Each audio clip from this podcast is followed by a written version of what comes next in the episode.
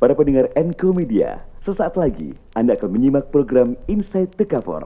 Acara ini akan mengulik seluk-beluk beragam profesi bersama para narasumber. Selamat mendengarkan.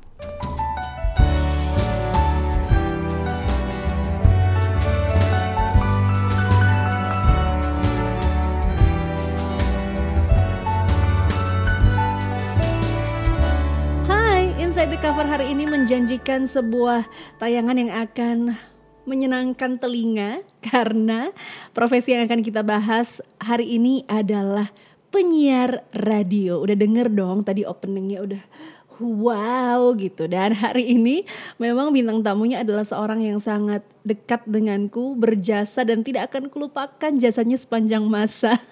Karena beliau inilah eh, termasuk salah satu orang yang ngajakin aku ngemsi di acara-acara besar gitu ya di eh, acara-acara festival gitu kan. Eh, dan memang ya pokoknya keren banget deh. Aku belajar banyak banget dari beliau yang satu ini. Gimana nggak aku panggil beliau? Udah siarannya itu sejak aku masih kecil. Tuh, aku masih kecil. Masku yang satu ini udah siaran di radio. Ah, udah deh, langsung aja. Ini dia Farhan Arif. Halo, Hai, beliau. kesannya aku jadi tua banget gitu ya. Masa kecil dan aku udah siaran. Iya, Tapi bener kan? iya bener sih sebenarnya. Mas Farhan siaran tahun berapa? Pertama kali Ah, siaran? pertama kali siaran itu di tahun 92 sih ya. 92 itu pertama kali aku siaran. Jadi ya masih masih apa namanya ya? Masih gaya zaman dulu kan ya. Zaman zaman dulu itu istilahnya anak muda tapi masih bahasanya nggak terlalu yang selengean banget gitu loh. Iya nggak bisa girl-girl gitu kan? Gaul-gaul nggak Gitu. yang bisa yang sekarang ini. 92 itu aku Hmm. masih umur setahun loh mas. Gitu ya? Iya. Berarti aku ini aku diwawancari anakku sendiri gitu ya maksudnya. Bener. Loh Mas Farhan pertama kali siaran berarti umur berapa? Ah, umur SM, lulus jadi SMA aku lulus atau- SMA kan 91 ya. Jadi oh Oke. 18. Wow Ah, muda ah, banget. 18 ya, 18 mau ke 19. Apa yang memotivasi Mas Farhan Hmm. yang baru lulus SMA terus jadi penyiar kan rata-rata ya kalau anak Hmm, lulus SMA tuh hmm. pengennya uh, kerja yang di Ah, ah. kantor, yang daftar Apa PNS gitu kan ya, atau gitu gimana kan atau ya. kuliah gitu kan. Mm, mm, mm. Kok Mas Farhan malah kepengen siaran apa yang memotivasi Mas Farhan? Jadi gini ya, dari kecil itu kan bapak selalu putar radio setiap pagi, setiap pagi gitu Oke. kan. Itu dari pagi sampai malam. Jadi kalau misalnya bapak kerja ya berarti rumah itu ibu yang nyetel gitu kan. Oke. Dan itu setiap hari karena waktu itu kan zaman kecil kan nggak ada TV ya. Misalnya satu kampung cuma ada yang punya TV itu kan satu gitu Jadi kan ya. nonton rame-rame ya. Rame-rame dan dan kebetulan kan di rumah kita nggak ada TV kan. Oke. Adanya radio. Nah dari situ kok kayaknya asik banget nih ya jadi penyiar. Jadi istilahnya udah dari sejak SMP saya tuh pengen banget jadi penyiar. Tapi nggak mungkin kan ya masih SMP. Tapi cuma kayaknya ini asik banget nih orang ini kalau ngomong ke didengerin. Kemudian ada sandiwara radio juga. Terus nganterin lagu. Nah mulai masuk SMA pengen banget nih jadi penyiar. Sampai masukin lamaran di beberapa radio. Tapi Wow. ditolak. Kamu masih kecil deh, masih SMA nggak boleh, ditolak bener-bener Mas ditolak. Farhan zaman itu pasti badannya kurus Banget. gitu terus kecil Banget. karena sampai sekarang pun Mas. Farhan tuh masih masih badannya tuh masih kurus terus Hmm. eh, wajahnya tuh juga Imut gitu imut-imut ya, gitu, ya loh Allah. aku nggak kebayang gimana pada waktu itu masih SMA udah berani daftar radio Bener, jadi- padahal kan radio zaman itu ya Ah, Hmm. kalau aku bisa mengira-ira pasti tuh penyiarnya udah yang sepuh-sepuh udah Iya. senior-senior gitu loh Mas Sepuh nggak sih enggak ya, jadi ada ada beberapa radio yang memang istilahnya kan kalau dulu kan nggak ada radio anak muda. berarti emang pembawaannya aja yang terkesan sepuh Ah, ah, jadi kan nggak ada radio anak muda, jadi semua radio itu waktu itu rata semuanya family gitu kan di, di Solo dan juga Oh, oke, oke. di seputaran kota Sekitarnya, Solo. hmm. Nah di situ pas ngelamar itu saya saya lihat orang yang lagi siaran emang udah agak dewasa dewasa banget gitu kan. Sampai kemudian eh adik adik adik mau ngapain? Gitu kan. Saya masih kelas 2 SMA gitu.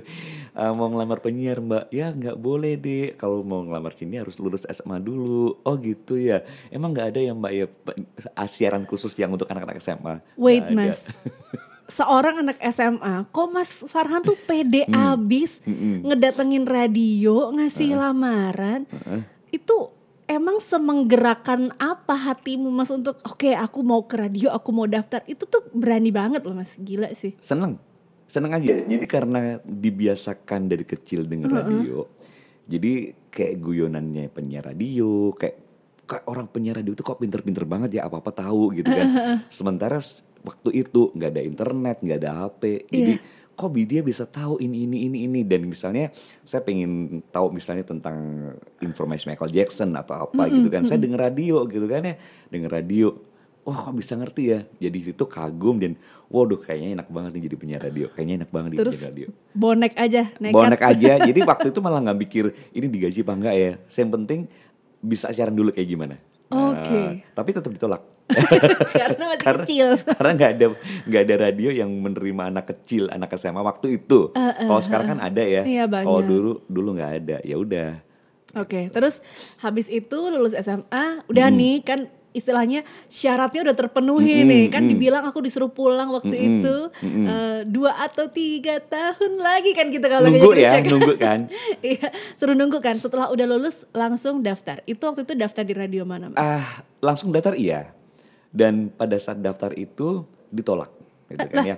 Jadi sebelum daftar di radio itu, itu aku kan nulis beberapa naskah sandiwara radio di, si- Oke. di radio itu bahkan gitu ah, kan. ah, ah. Tapi kemudian karena ah, radio itu aduh kok suaranya terlalu gede ya gitu.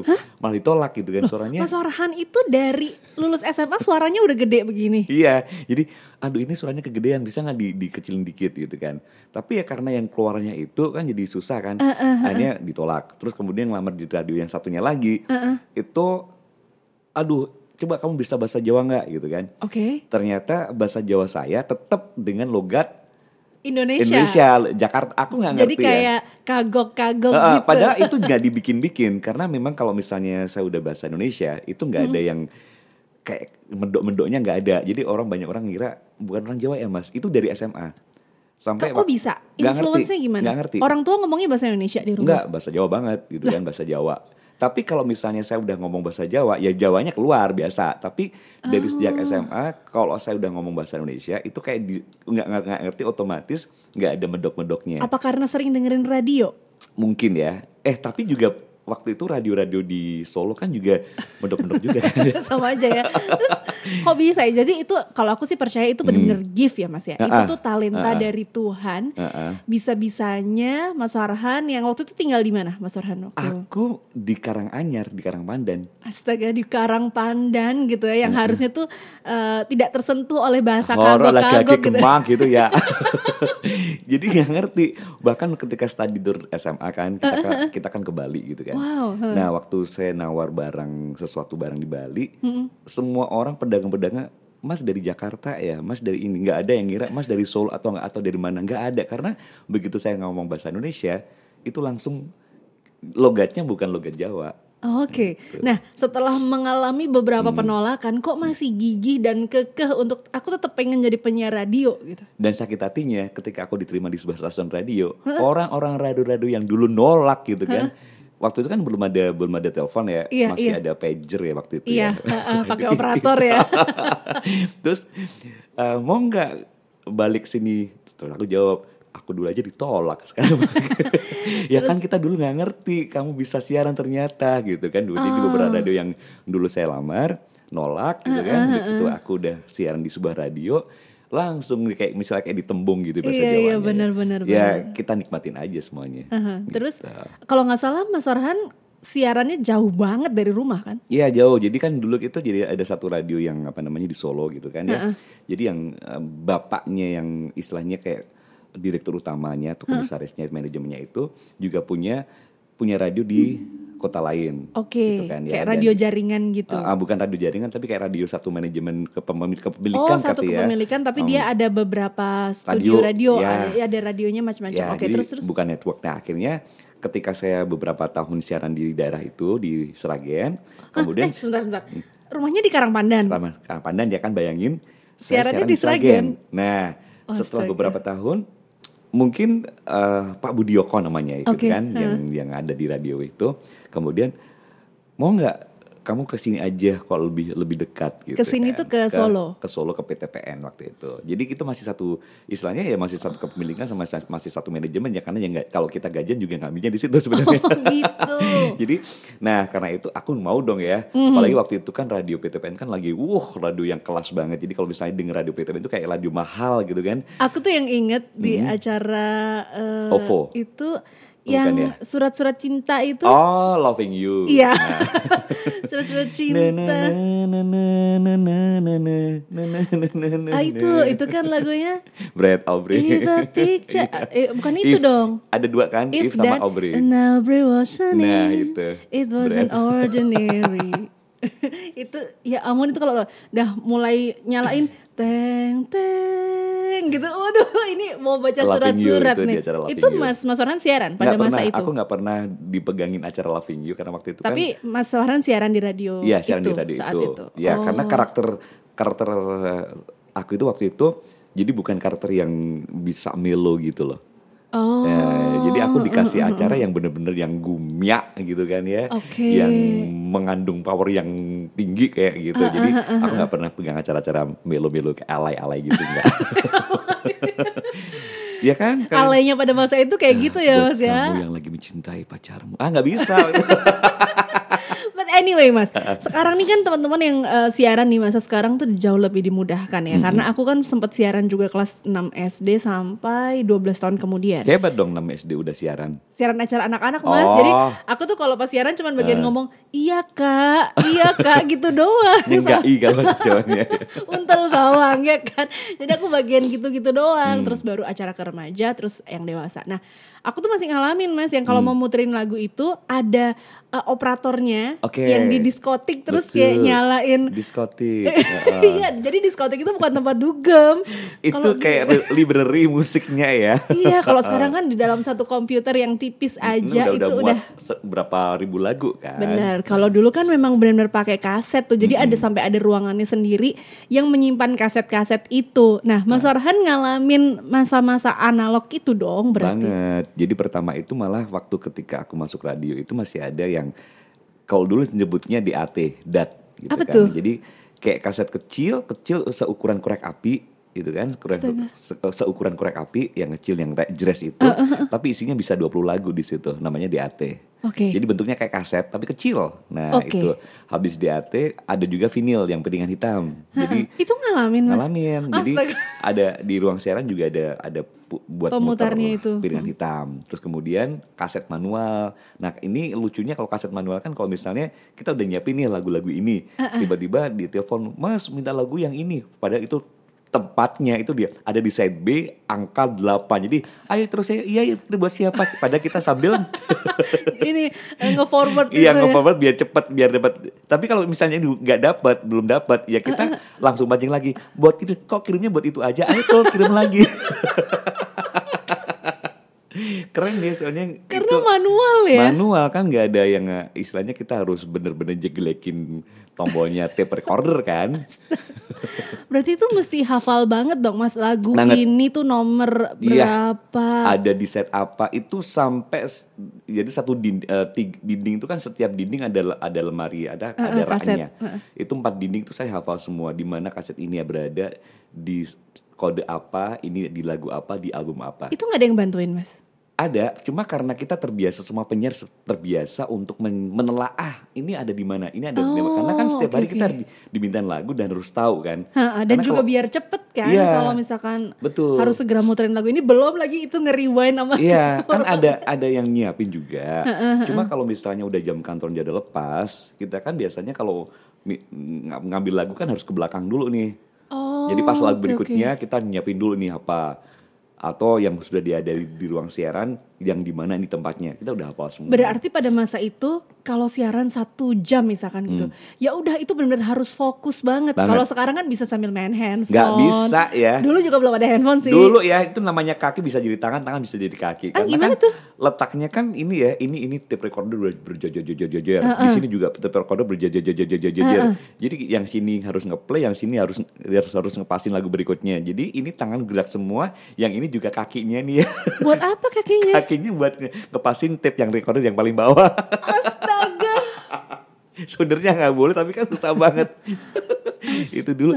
Jadi bener-bener keterampilannya itu harus fokusnya bener-bener kita sementara harus melayani pendengar untuk ber, ber- ngobrol gitu ya. Tapi tangan kita juga harus ini sampai berapa nih? Udah sampai lagu berapa nih? Yang ini udah berapa berapa, berapa nih? Jadi gitu. terbiasa untuk terpecah ininya Iya. ya. Oh ini mesti begini, ini mesti begini. Mm-mm. Gila banget sih. Tapi satu hal yang spesial dari radio-radio zaman dulu itu adalah para penyiar itu kayak punya fans club gitu loh. Bener. Ya nggak sih mas Bener. banyak penggemar gitu. Dan nggak kelaparan. Oh ya? Ya, Karena dikirimin karena makanan terus. ba- yang namanya makanan itu udah hampir ya misalnya aku siaran gitu kan ya. Waduh enak kalau misalnya siang siang kayak gini ya, wah enak banget nih minum es. Oh, udah deh, tunggu aja 15-10 menit. yang kirimin bukan cuma satu orang, Kode-kodean 10 langsung orang bawa es semua.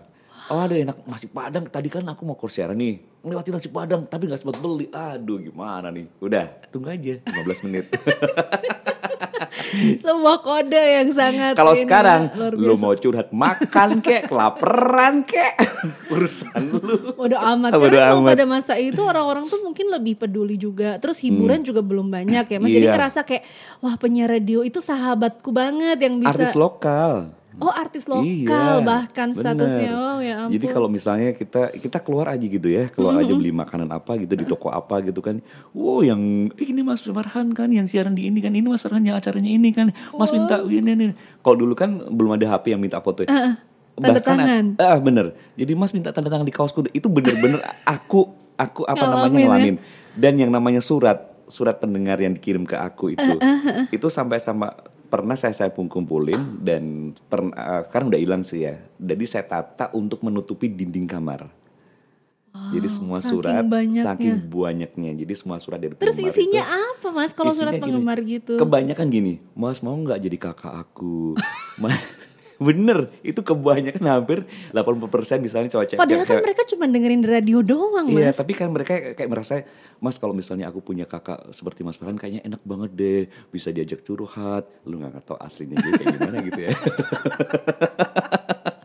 wow, itu tuh eh, berkesan banget karena aku juga sempat ngalamin ya, terutama kalau zaman dulu, Ya. kalau radio itu kan nggak pakai SMS atau WA, pakainya nggak. kartu pendengar. Kartu pilpen Eh, kartu pilihan pendengar. pendengar. Harganya 500 harganya 50 rupiah. Kalau pada masaku kayaknya udah 500-an ya. 500 Kalau di zaman aku masih 50 rupiah. Astaga, jadi itu tuh teman-teman ya kalau belum bisa ngebayangin bentuknya tuh kayak postcard gitu, lebih kecil dari postcard. Terus ada tulisannya eh, Nama, pengirim, pengirim, itu, terus eh, lagu apa. lagunya apa, terus salam-salamnya apa, pesannya gitu. Nah, itu sebenarnya juga membantu radio untuk dapat duit ya, Mas ya. Banget. Lumayan Dan dulu kan? waktu itu pendengar itu nggak pakai nama sekarang Elis gitu kan. Andre enggak. Dulu tuh Leo Boy. Waduh. Ya. Sagittarius Girl. Oh, dan alamatnya juga bukan misalnya Elis di Urip Sumarjo enggak. Tapi? Elis di Pesanggeran Cinta. Waduh. di gubuk itu asmara bener, gitu. itu bener. Jadi misalnya aku membacakan gitu. Oke dan sekarang saya ketemu dengan Leo Boy yang ada di Pesanggeran Cinta untuk Sagittarius Girl yang ada di Padepokan Cinta. Wah. Kayak, wah. Jadi begitu begitu kita kalau dulu kan ada jumpa pendengar eh, jumpa pen- monitor. Kayak kopi monitor, darat. kopi darat gitu kan. Kita jadi kayak lucu-lucu aja. Oh kamu yang namanya Leboy ya? Kamu kamu yang namanya Sagittarius Girl ya?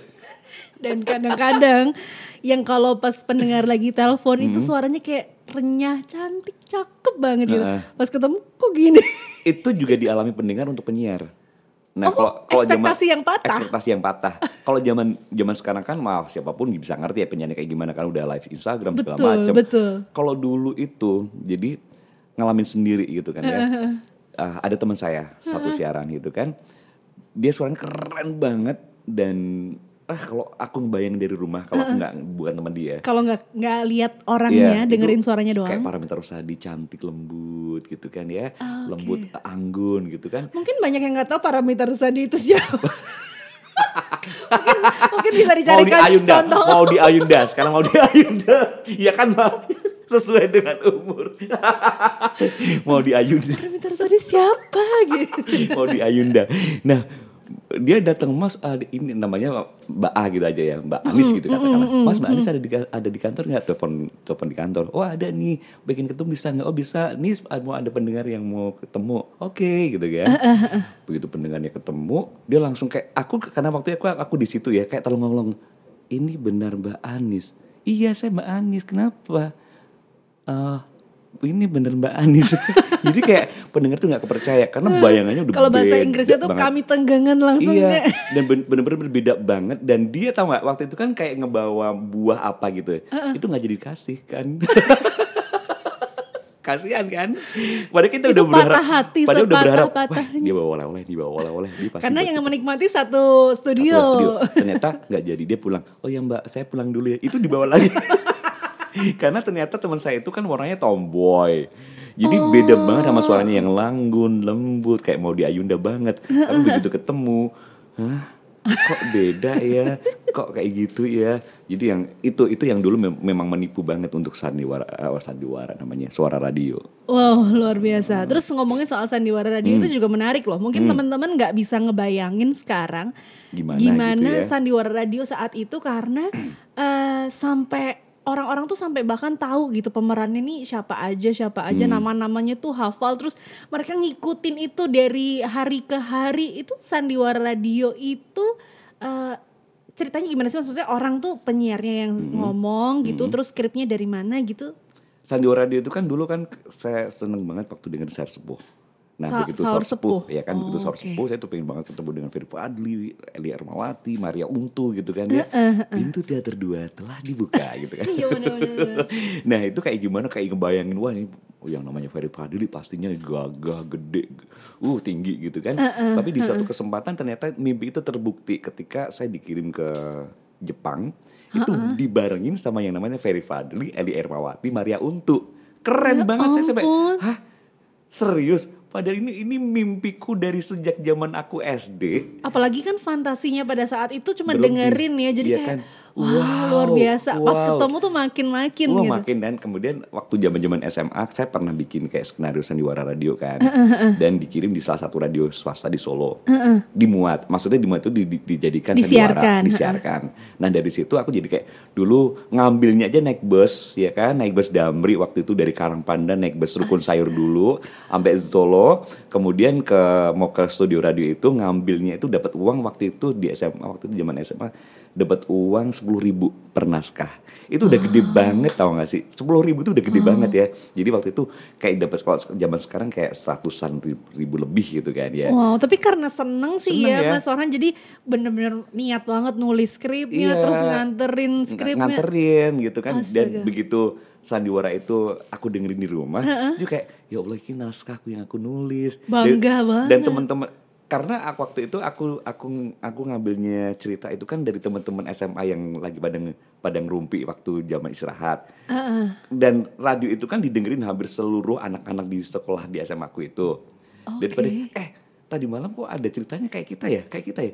Itu siapa sih ini? Kurang aja kok bisa tahu kita ya? Padahal aku di situ aku yang nulis jadi ceritanya tuh kan kalau yang kita aku tahu sih Hmm. kayak Saur Sepuh gitu kan yang kolosal kolosal. Jadi sebenarnya ada juga sandiwara radio yang lebih pop gitu ya mas? Nggak ya, aku dulu nge- nulisnya ke pop. Jadi yang kayak misalnya anak Oh. kisah cinta anak SMA gitu kan. Kemudian berlanjut ketika jadi penyiar radio, aku aku nulis hampir sekitar 200 episode waktu itu Ah. kan.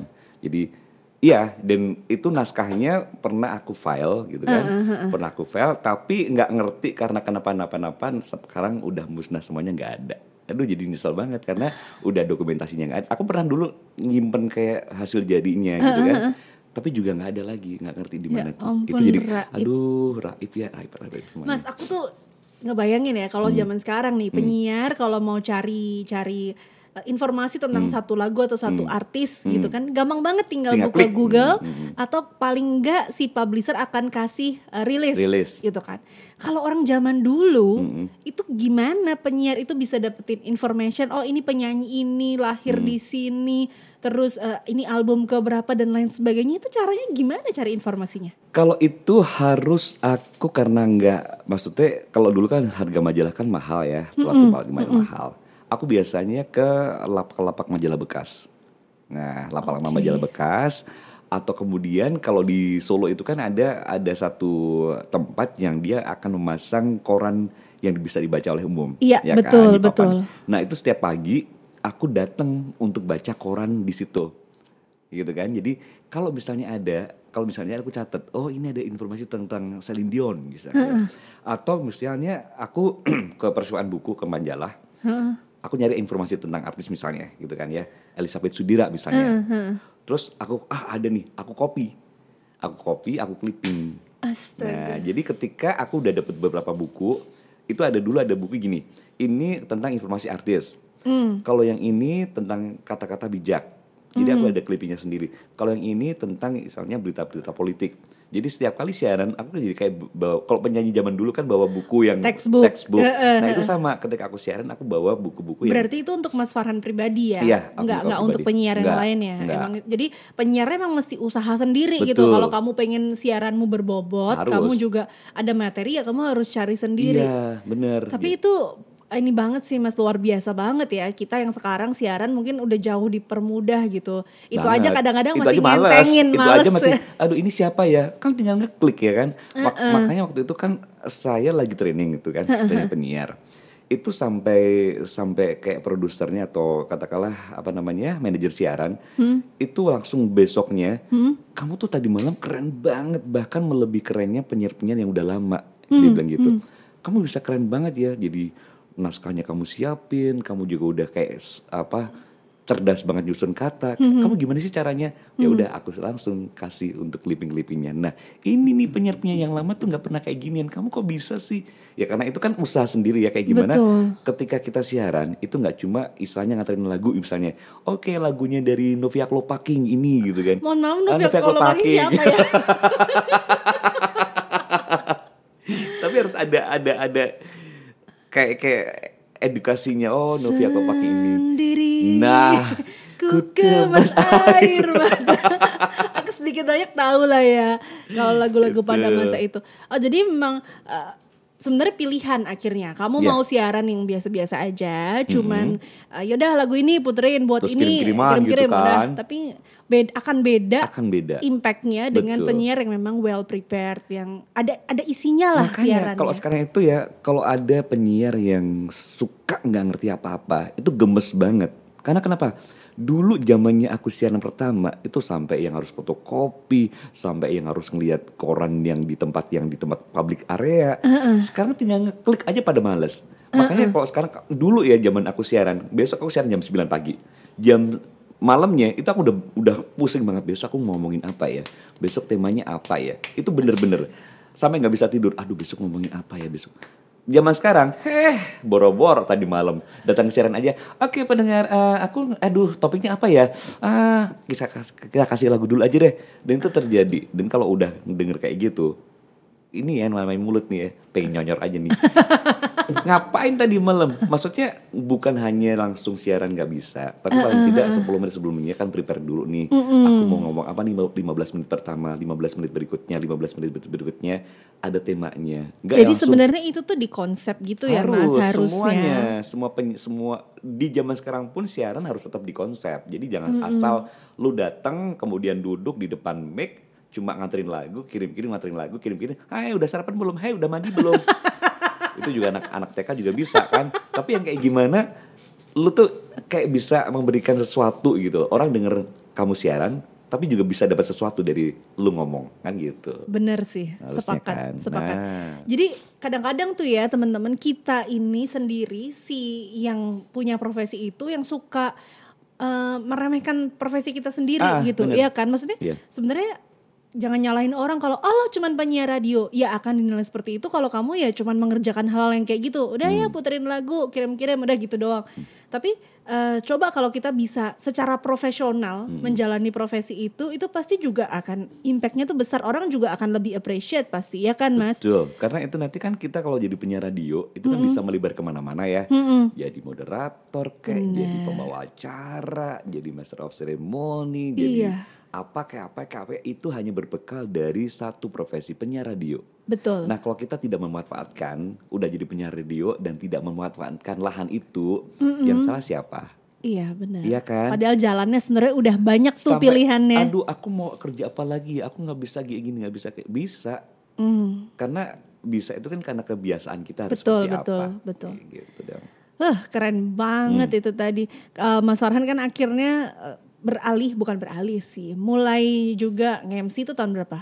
MC. Nge-MC ya 93-an kali ya. Satu tahun di radio. Ah, enggak dia 6 bulan di radio udah disuruh nge-MC yang MC itu berarti yang off air gitu ya. Ah, ah, off air tapi nggak dibayar. Waktu itu cuma Mas bantuin dong MC adikku mau ulang tahun gitu. Oke. Mas bantuin dong adikku mau sunatan gitu. Oke gitu. Ah. Tapi nggak dibayar. Sampai sekarang udah jadi MC profesional dan hits di Solo. Eh, dan aku juga salutnya Mas Farhan ini nggak meninggalkan rootsnya yakni di radio, tetap kerja di radio, tetap siaran juga. Seneng soalnya kan. Ah, Oke. Iya. Tapi pasti kan ada hal-hal yang challenging dong Mas. Zamannya berubah. Sedangkan Mas Farhan itu ngalamin berbagai fase dari yang analog sampai Betul. digital gitu. Terus belum lagi mesti beradaptasi dengan anak-anak muda yang kerja bareng sama Mas Farhan. Radionya juga mungkin em, standarnya udah nggak kayak dulu lagi. Iya. Misalkan gitu kan, misalkan eh, kalau dulu tuh mesti eh, program itu masih bagus banget. Kalau sekarang yang penting orang suka deh gitu. Hmm. Mau itu program nggak mutu juga yang penting orang suka. Misalkan kayak gitu kayak Udah gitu. Hmm. rating ya? Ya rating. Kalau zaman dulu kan mungkin nggak gitu karena orang tuh nggak ada pilihan lain Hmm. dengerin radio doang gitu loh. Iya. Sekarang kan saingannya sama TV, sama podcast seperti ini, terus sama YouTube dan Hmm. uh, lain sebagainya. Gimana Mas Farhan tetap survive, bertahan, beradaptasi dengan perubahan-perubahan yang terjadi di dunia siaran?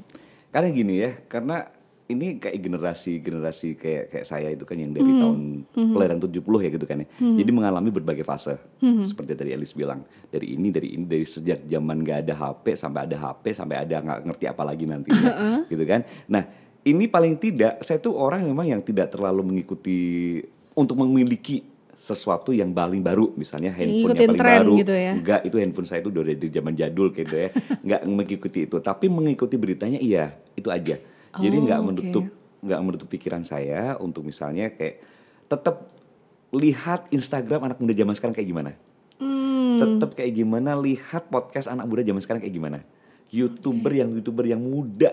Kayak gimana sih? Oh ternyata mereka udah sekian perkembangannya udah sekian meledak. Maksudnya sekian jauh ya dari yang saya gambar yang saya bayangan saya.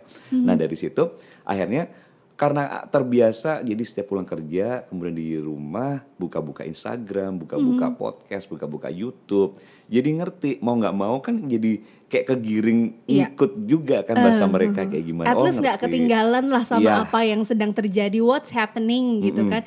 Tetap Mas Farhan tetap tetap tahu tapi kadang-kadang ya, tidak harus memiliki hal seperti itu gitu loh. Mau tahu seberapa jadul handphonenya Mas Farhan? Handphonenya itu sejadul eh, kalau dibuat foto nggak bisa Mati. langsung mati ya. Paling kalau misalnya lo bed dinyalain lagi itu nyari sinyalnya bisa satu jam. Aku tuh ya kalau lagi nge-MC bareng Mas ayo foto ya foto gitu. Nganggu HP mua ini. Karena padahal yang dibawa di kantong tuh handphone Mas. Terus Karena- kalau foto kan foto gini, cekrek gitu. itu nggak bisa. Terus kan mati, dibanting-banting. Jadi kalau misalnya dinyalain kameranya itu harus nunggu loadingnya itu 10 menit dulu baru bisa buat foto. Jangan salah, jangan jangan mengira Mas Farhan itu nggak punya duit buat beli handphone baru karena duitnya Mas Farhan itu dipakai buat hobinya yang satu ini. Munculkan. Nih. Daripada beli handphone, Mas Farhan kayaknya mendingan beli ini nih. Kamu pasti nggak akan menyangka kalau ada orang yang segila ini mengoleksi sesuatu. Ah, Oke, wow dari atas. Ini salah satunya ya, salah satunya yang saya buat. Ini, Ini- belum selesai soalnya. Ini Tadi baru saya bikin ya? Baru bikin tadi kan. Tadi belum begitu kering semuanya. Jangan sedih. harus- Ini tuh berapa doang berarti Mas ininya ya? Ah. Kotaknya berapa? Berapa senti? Ini kotak, aduh berapa senti ya? Aku tadi nggak ngukur Mungkin ya. ini 50 40, 50 ya, 45, 40 kali ya. Karena ini yang paling kecil yang di rumah yang saya bawa. Karena Dan Mas Farhan punya kayak gini tuh 2 meter kali 2 meter kali 1,8 ada, yang le- 90 kali 60 tuh ada ada ada limaan, ada enaman. Yang ukuran 100 100 meter kali 90 juga ada tiga tigaan ada. Ya Jadi udah ampun. rumah itu penuh, udah penuh kayak ginian. Mas, ini mulai hobi. Ini namanya apa sih sebenarnya? Ini namanya diorama ya. Jadi Oke. Aku ada di aku bikin yang tema sawah juga ada, yang tema rumah-rumah bersalju Christmas juga ada. Astaga. Yang ini yang pantai kan, ada juga yang kayak kayak eh, puri puri setan gitu kan ya. Astaga, gotik-gotik gotik-gotik gitu. itu juga ada. Ya, ada juga yang suasana perkotaan. Ini Mas Farhan ngumpulin dari tahun Ah, nggak nggak nggak nggak nggak inget nggak inget Tepatnya ya, tapi ya. kayaknya tahun 2000-an ya, 2000-an 5 gitu deh. 2005. 2005 2007 gitu deh. Kalau ya. taruhnya Eh 2000 bukan deh 2000, 2009 88 dap- eh 2009 2009 2010. Oke, berarti udah hampir 12 tahun ngumpulin Hmm. Iya. kayak beginian. Itu pertama kali terinfluence dari apa, Mas? Ah jadi dulu gini. Dulu udah ada YouTube kan, udah ada Oke. YouTube pertama. Terus kemudian ketika googling YouTube itu temanku yang googling, itu kok ada ada miniatur yang Wonderland yang di apa namanya yang di Jerman. Oke. keren banget ya ada keretanya bisa jalan ternyata kecil kecil kecil kecil kecil gitu wah ada bukit bukitnya ada rumah rumahnya waduh ini gimana nih caranya bikin waktu itu nggak ngerti caranya bikin kayak gimana karena nggak nggak kepikiran ada komunitasnya atau segala macam akhirnya kayak ya udah browsing browsing di YouTube gitu kan cara bikin apa namanya bukitnya Loh, ini bikin, Mas? Bikin. beli? nggak bikin sendiri Kalau ininya beli ya yang ya orang-orang orang-orangnya ini beli kayak sama mobilnya gitu kan. Nah, cara belajar bikin pohonnya kayak gimana. Astaga, ini terus bikin kemudian sendiri. bikin airnya kayak gimana. Ini cuma belum selesai ya, jadi masih ada. Ini airnya finishing. terbuat dari apa nih? Ini ini dakron, dakron Yang buat isi bantal? ah, buat isi bantal. Terus kemudian dikasih resin. Astaga, Mas Farhan. Dan for your information ya teman-teman, barang-barang ini tuh nggak murah. Kayak orang-orangan yang ini coba sebutin berapa harganya yang kecil ini. Itu seratus ribu satu. satu. Dia mendingan daripada beli handphone beli ini, tau gak sih? Dan ini tuh cuman sepersekian persen dari yang koleksinya Mas Farhan gitu. Terus mobil-mobilannya juga nggak iya tadi oh murah. ada tiga mobil yang masih di tas gitu kan. Itu juga satu mobilnya yang harganya 300 200. Ambil boleh deh. Oh ini ini nih ada kok tadi saya bawa. Jadi eh, bener sih aku pernah lihat juga waktu itu di display sama Mas Farhan itu ada keretanya dan keretanya itu beneran bisa jalan, Iya, ada relnya. jalan. Terus dipikirin Nah, astaga, kecil, itu tiga ratus ribu mas. Eh, ini yang ini 100 berapa ya? Yang ini eh, yang ini ya. Oh, ini yang 175. Ini kayaknya dua- 200 200. Itu kalau searching di di online itu namanya apa? Mobil skala HO gitu aja. HO Oh. skala skala 87 biasanya. Skala yang Astaga. internasional. Ini tuh seluruh dunia berarti ada ada, Ada. kolektor yang kayak ada begini. nih. Ada Komunitasnya juga? dan akhirnya kan di Solo juga nemu orang-orang yang suka Oh ya? seperti ini. Iya, Banyak ya? banyak. Jadi kita ada 20-an tapi coba saya nggak aktif untuk kumpul-kumpul gitu kan. Itu ada. Jadi Ngapain sampai bahkan mereka itu yang bikin keretanya bener-bener keretanya sendiri gitu kan. Jadi dari resin dari akrilik mereka bikin keretanya bikin relnya sendiri. Kalau aku kan belum mampu ya untuk bikin Terus bisa tukar-tukaran koleksi juga. Ah, biasanya gitu. Oh. jadi biasanya gitu. Ya kayak ini ini rumah bukan buatan saya cuma Ah itu buat bukan bukan beli. Ya ini ini bukan buatan saya. Oh bukan buatan. Cuma ini adalah buatan teman saya. dibuat gitu. Ya, saya punya di rumah. Cuma saya pengen nunjukin bahwa ini buatan teman saya sendiri yang ker- keren kecil. Nah ini akhirnya saya dikirimin sama dia, Mas Nias Jun. Terima kasih ya Mas. Nah itu dikasih. Wah keren kan. Makanya ini juga ini juga pohon kelapa buatan teman saya. Nah ini yang buat namanya Mas Harsono. Wow jadi istilahnya jadi kayak kita tuker-tukeran. Tapi ini tuh apa sih? melatih imajinasi juga kan Mas Bener. otomatis kayak misalkan kalau rumah di pantai itu modelnya nggak akan yang eh, misalkan gedong-gedong gitu kan. Nah, Jadi iya, mikirin juga gitu semua kan. komponennya. harus nyambung. Jadi Wow. aku bikin yang kayak pantainya, bukitnya, pohon-pohon ini gitu kan. Terus apa ini semak-semaknya, ini aku bikin sendiri kayak Ini gini-gini. tuh kayak orang ngelukis ya Mas tapi Iya. tiga dimensi. Bener Iya, sih? memang kita harus kayak kayak ngelukis, bener-bener kayak ngelukis, cuma diwujudkan dalam hal-hal yang kayak nyata banget kan. Nah di situ, dia di situ Hmm. Yang paling sulit pernah bikin apa Mas Farhan? paling sulit itu sebenarnya waktu bikin sawah ya. Hah? Kenapa bikin tuh? sawah karena bikin sawah itu kan memang harus kayak padinya tertata kayak gitu kan? Kan ada alatnya juga ah, saya juga punya alatnya yang buat apa rumputnya berdiri.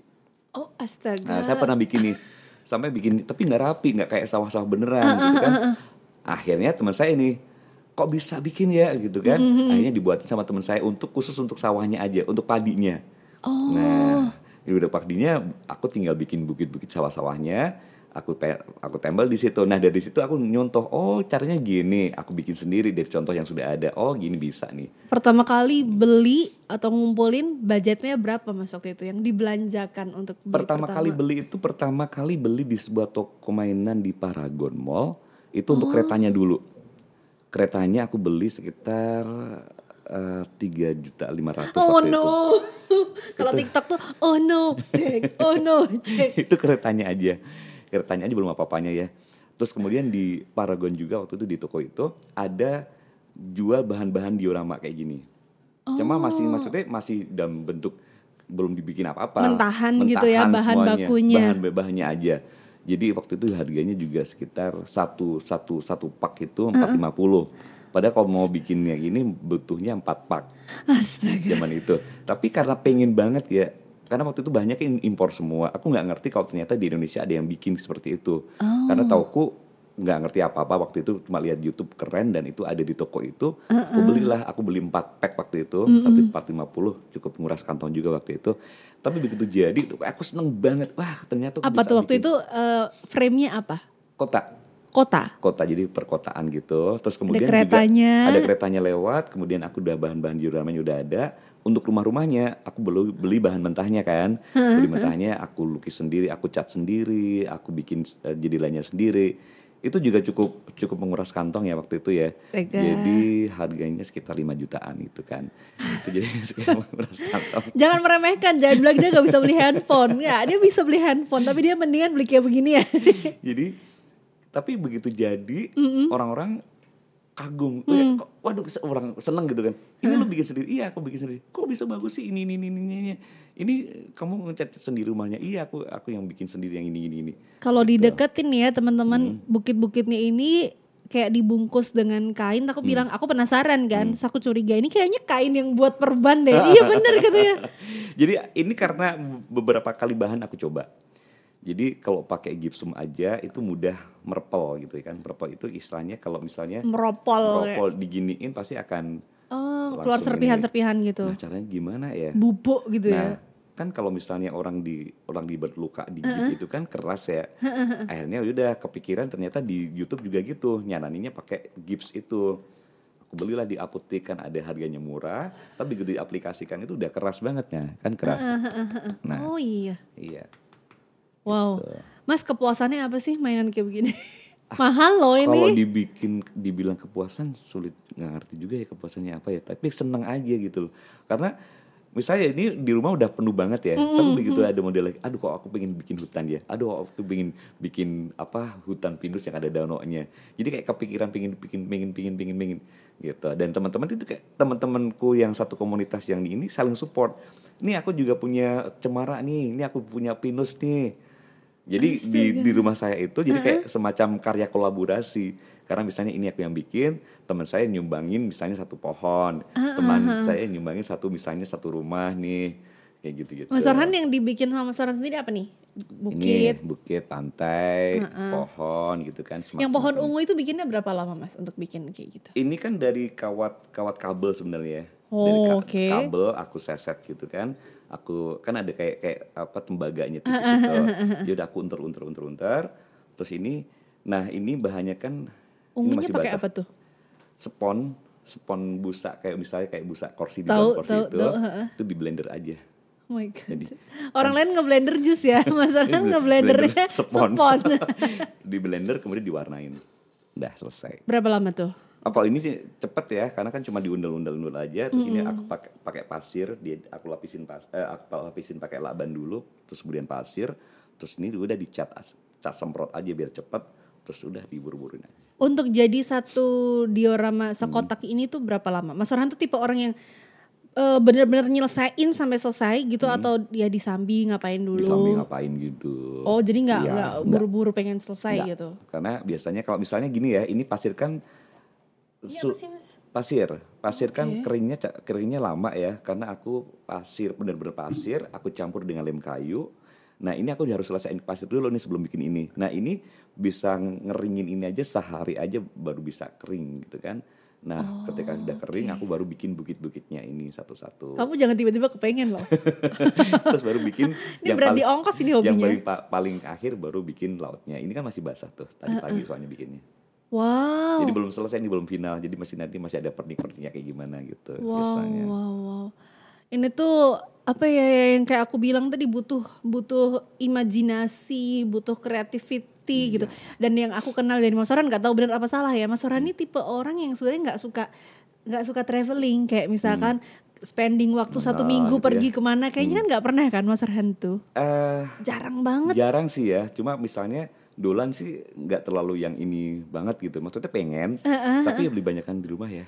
Iya makanya Bikin-bikin itu aku terus kepikir mungkin bikin gini tuh kan kayak udah membayangkan ke pantai iya, gitu loh gitu. ya bikin kayak gini udah ke gunung, ke pantai, ke salju gitu kan.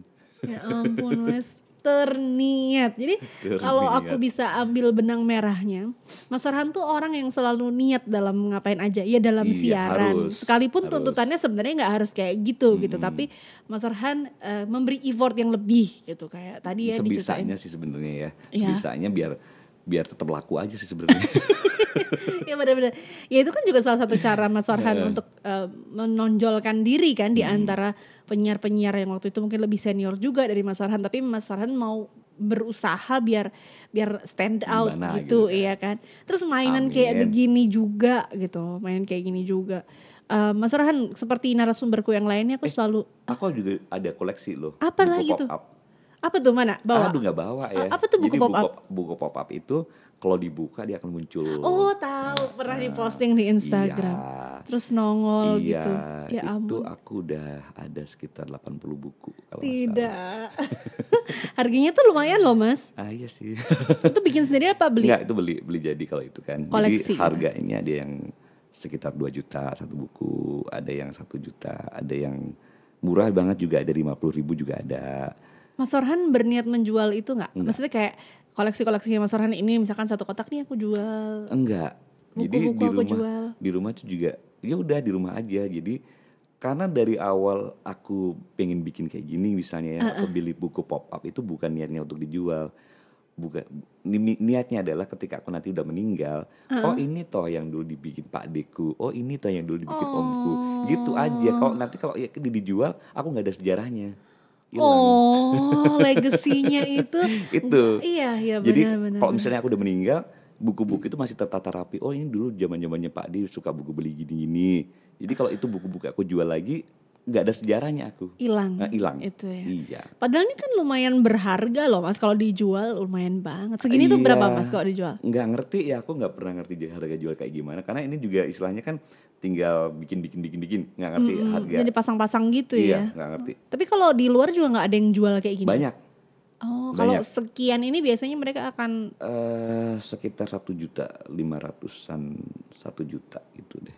Untuk sekotak segini. kotak itu. Karena yang kecil aja yang segini ya, itu teman-teman kalau biasanya ngejual tuh harganya 450, 500, ada yang kayak gitu gitu. Padahal punya Mas Aran tuh gede bu. Karena tinggal ininya, tinggal apa? Isinya ini apa? ya. Kalau cuma misalnya apa gunung aja, tapi isiannya kan kayak misalnya yang paling yang bikin mahal tuh kan isian-isiannya. Iya kayak benar benar benar. Mobil. Mobil apa. orang-orangannya apa lagi kayak gitu-gitu.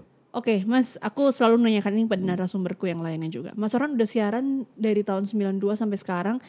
Berarti itu 30 tahun, ya? hampir 30 tahun kan, Hampir 29 30 tahun. tahun. Iya, ha, hampir Mau 30 sampai tahun. kapan Mas di dunia radio? Sampai aku masih bisa bersuara dan as long sampai as masih keluar suaranya, ketua bahkan sampai misalnya kalau aku dari di, di pensiun dari tempatku sekarang kerja gitu ya. sekarang di mana sih Mas Orhan? Aku di Meta FM, oh iya. Jadi radio itu radio perjalanan radio itu ada tiga kan, radio Asri, Sragen, Asri itu Sragen. kemudian PTPN, kemudian di sekarang di Meta FM, Your Inspiring Family Station. Hmm, Mas Orhan juga masih siaran di acara apa Mas? Aku masih di acara Club 90s. Jadi itu adalah acara yang memutar lagu-lagu 80-an, 90-an. Hari Terus apa aja tuh? Senin sampai Sabtu, eh Senin sampai Minggu dari jam 12 sampai jam 3 sore. Cuma aku kebagian satu kali sih aja setiap minggu di hari Senin. Soalnya bos. Jadi Bukan bos, tapi istilahnya itu kayak kayak buat kita gantian aja yang siar di situ. Oh, oke Gitu. oke. Dan Mas Orhan ini orang yang nggak pelit ilmu, jadi suka ngajarin gitu. Iya, apa sih yang kita bisa gitu kan ya udah. Aku satu-satunya orang yang nggak sakit hati kalau dimarahin cuma dimarahin sama Mas Farhan doang. Emang yang lain lain- sakit nih? Orang aku kesel gitu. Ah, kamu nggak lebih pintar dari aku gitu. Enggak deh. Thank you ya Mas Farhan udah Sama-sama, dateng, Elis. udah bawa koleksi dan bahkan membuatnya barusan nih buat di Iya. dipamerin ke teman-teman yang suka nonton Inside the Cover dari Mas Farhan kita belajar ya kayak tadi totalitas ngerjain apa-apa tuh total harus Hmm. yang sebaik-baiknya. Terus kalau kamu punya keinginan, punya passion terhadap sesuatu tuh kejar sampai dapet. Kayak Elis dong ya. Nyanyi iya, nyipta lagu iya, MC iya. Udah ambil Itu semuanya kebutuhan aja. itu. Udah ambil semuanya aja deh. itu kebetulan karena kebutuhan saya melakukan. Sama. Oh sama ya. Kalau bapak kebutuhannya untuk eh, hobi ini ya luar Luar biasa. biasa. Oke doain supaya saya bisa jadi tetangganya Mas Farhan di Karangpandan karena saya dari dulu Ah, dari dulu ya? cita-citaku tuh kok pengen punya rumah di Karangpandan. Padahal aku pulangnya karena badan dua minggu sekali. Ya kan nanti kalau udah pensiun barangkali Oh pulang ke iya, sana kan. amin. Aku pengen yang eh, apa ada halamannya kebunnya gede gitu, gitu. ya, ada bunga-bunganya gitu kan ya. Bener. Oh, keren di sana sekarang Ramadan. Iya adem gitu kan. Thank you Mas Farhan. Hmm. Sama-sama, Elis. Semoga teman-teman juga bisa belajar banyak dari Mas Farhan hari ini buat kalian yang suka ngeremehin kalau ada penyiar lagi siaran ah cuman buat rungon-rungon aja. Eh ada perjuangan loh di balik itu semuanya untuk bisa menghadirkan siaran yang baik buat uh, para pendengarnya. So don't judge before you see inside the cover.